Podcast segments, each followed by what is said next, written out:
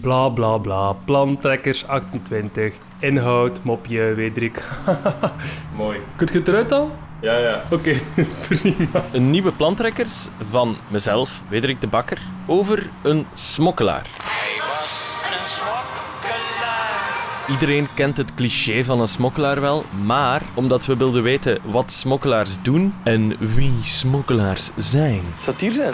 Waar zou jij iemand? eh, gingen we langs bij een van de bekendste smokkelaars van België en Nederland, Ah, wacht, ik hoor dat. Hallo! Roman Hemelsoet. Hallo, goeiedag. En ook bij zijn vrouw. Kom, Boefie, kom.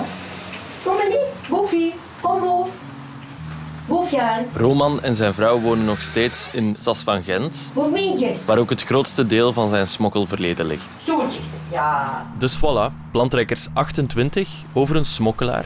Veel plezier. Pim, pim, pim, pim, pim. Dag. Pum, pum. Pum, pum, pum.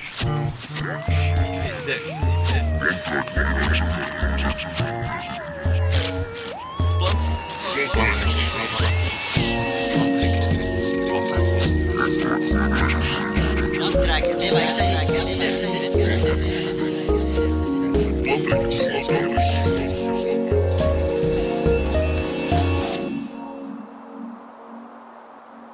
februari van 59.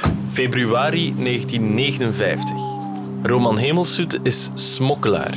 Hij smokkelt boter over de grens tussen Nederland en Vlaanderen.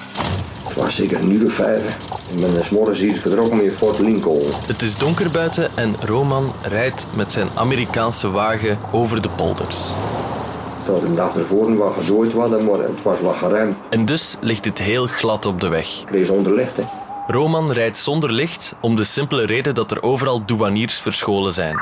En dat het dus heel makkelijk is om een auto met lichten door de open velden te zien rijden. Als je een auto ziet komen, eh, zijn er vijf kilometer s'nachts vandaan, dan zie je dat er een auto rijdt. Maar zonder licht niet. Die douaniers staan daar omdat er in die tijd nog taxen op boter moeten betaald worden en dat de boter in Nederland veel goedkoper is dan in Vlaanderen. En dat was altijd met zware Amerikaanse wagens. Die auto's alleen dat die wogen al 1800, 2000 kilo dus. Die kosten gemakkelijk 1000 kilo dragen. Dus rijdt Roman Hemelsoet in het midden van de nacht door de polders met een gigantische hoeveelheid boter verstopt in zijn auto. Er zijn grote Amerikaanse wagens, er zitten natuurlijk eh, veel mogelijkheden in om, om daar ruimtes te creëren waar hij boter in kan steken. Die Amerikaanse wagens die zijn vroeger allemaal gebouwd, in Amerika groot en grof. Hè.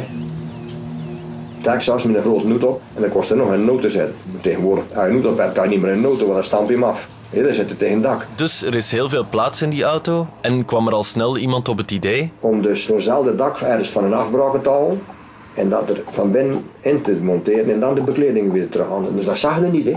En daar hing 100 kilo in, in het dak. 100 kilo boter.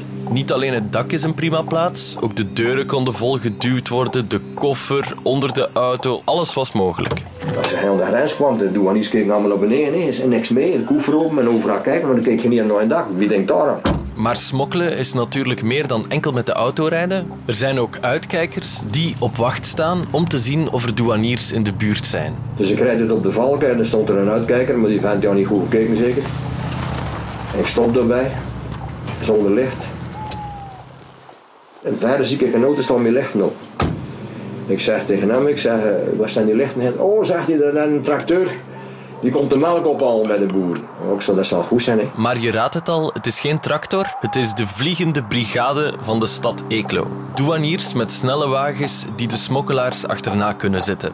Dus ik trek mijn licht aan, ik rijd deur. En ze pikt me. Ze me aan natuurlijk. Roman vlucht weg, Met 900 kilo kun je dat zomaar niet kwijtrijden. En dan, eh, maar door het ijs op de weg mist hij zijn bocht. En die draait daar zo, zo, zo rond, zijn as. hè. Hier hier zet ik aan het sturen zo. En die sliert weg en die klapt met die zijkant tegen die boom.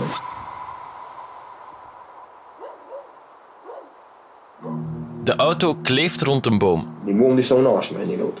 maar door de klap was het portier van Roman opengevlogen. Die portière aan mijn kant die vloog open.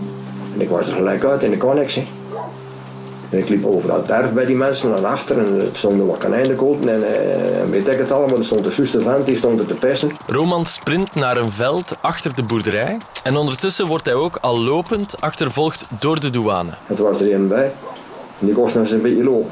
Want eh, weet je wat het toen was? Als de douane erin slaagt om een chauffeur te pakken, dan krijgen zij 10% van de boete van de chauffeur als premie. Nou liep dikwijls tot over de 100.000 francs. hè. Dus ze zaten natuurlijk achter die chauffeurs. hè. En dat was een prima. Maar gelukkig is Roman net afgezwaaid van zijn legerdienst en is hij dus in prima vorm. Ik heb nooit aan sport gedaan, maar ik kost wel heel laat lopen. Ja, maar die vent die kost, die kost heel hard. Hè. En, dan, en dat was het februari en dat winterland is allemaal geploegd. Hè. En, en, en, en het is er ook allemaal klei. Die klei die plakt aan je voeten. Hè. Maar dan wordt het last- lastig lopen. Niet enkel de grond ligt slecht, het is ook nog eens volle maan, waardoor de douanier Roman perfect kan zien lopen. Maar die kwam altijd maar achter die vent. En met dan schoten ze fusées af. Hè. De hele polderakker wordt hierdoor plots fel verlicht. Het is net of er een, een bliksem is, een hemel ligt. En ze zien lopen. Hè. En dan was ik al, eh, ja, zeker al tien minuten aan het lopen. Hoor. Maar eh, ko- het kost ons niet meer. Maar ja, als ze me gepakt hadden, dan zat ik in de bak. Daar had ik niet veel zin in. Dus eh, op een gegeven moment, eh, en ik, ik achter me en ik zag hem strompelen en zo. Ik zeg, godverdomme, ik, ik kan niet meer ook staan. Op mijn tanden bijten en deur lopen. En eh, dan keek ik en hij draaide zijn eigen om en hing er, en stopte ermee. De douanier keert om en gaat terug naar de auto. Dan heb ik nog een 500 meter gelopen mijn eigen in een gracht leggen. Mijn kost niet meer. Uitgeput gaat Roman in een gracht liggen en hij wacht. En een wonder, en die noten die ze moeten uh, mijn kraan oppakken, want die, die, die kost niet meer rijden, die was bekant half een deur. Weet met de voet naar het Sassen gewoon. Hè. Ja goed, dan een, ander, een paar dagen later weer een andere noten natuurlijk. Ik vroeg me af, waarom zou je dat willen doen? Jezelf zoveel ellende aandoen voor zuivelproducten? En een antwoord op die vraag kwam niet van Roman zelf, maar wel van zijn vrouw. Want hij eigenlijk vraagt waarom dat hij dat deed. Hè. Het, was, eh, het was achter een avonturier dat, dat, dat alles. hetgeen dat de adrenaline om- omhoog te gaan, was uh, Romanemos uit de dingen. Maar dat iets, iets gevaarlijk en al, en, en dat was van zijn moeders kant. Hè. Iets dat gevaarlijk was, en, en dat, maar dat hij geld kon voor verdienen, maar dan moet je in jou zetten voor dat te doen. Hè. Smokkelaar mag niet bang zijn, hè. Als je dat niet bezorgd hebt? Bij Wijk. Maar ja, dat is toch je vangst. hè. Ik weet dat niet tegenhouden.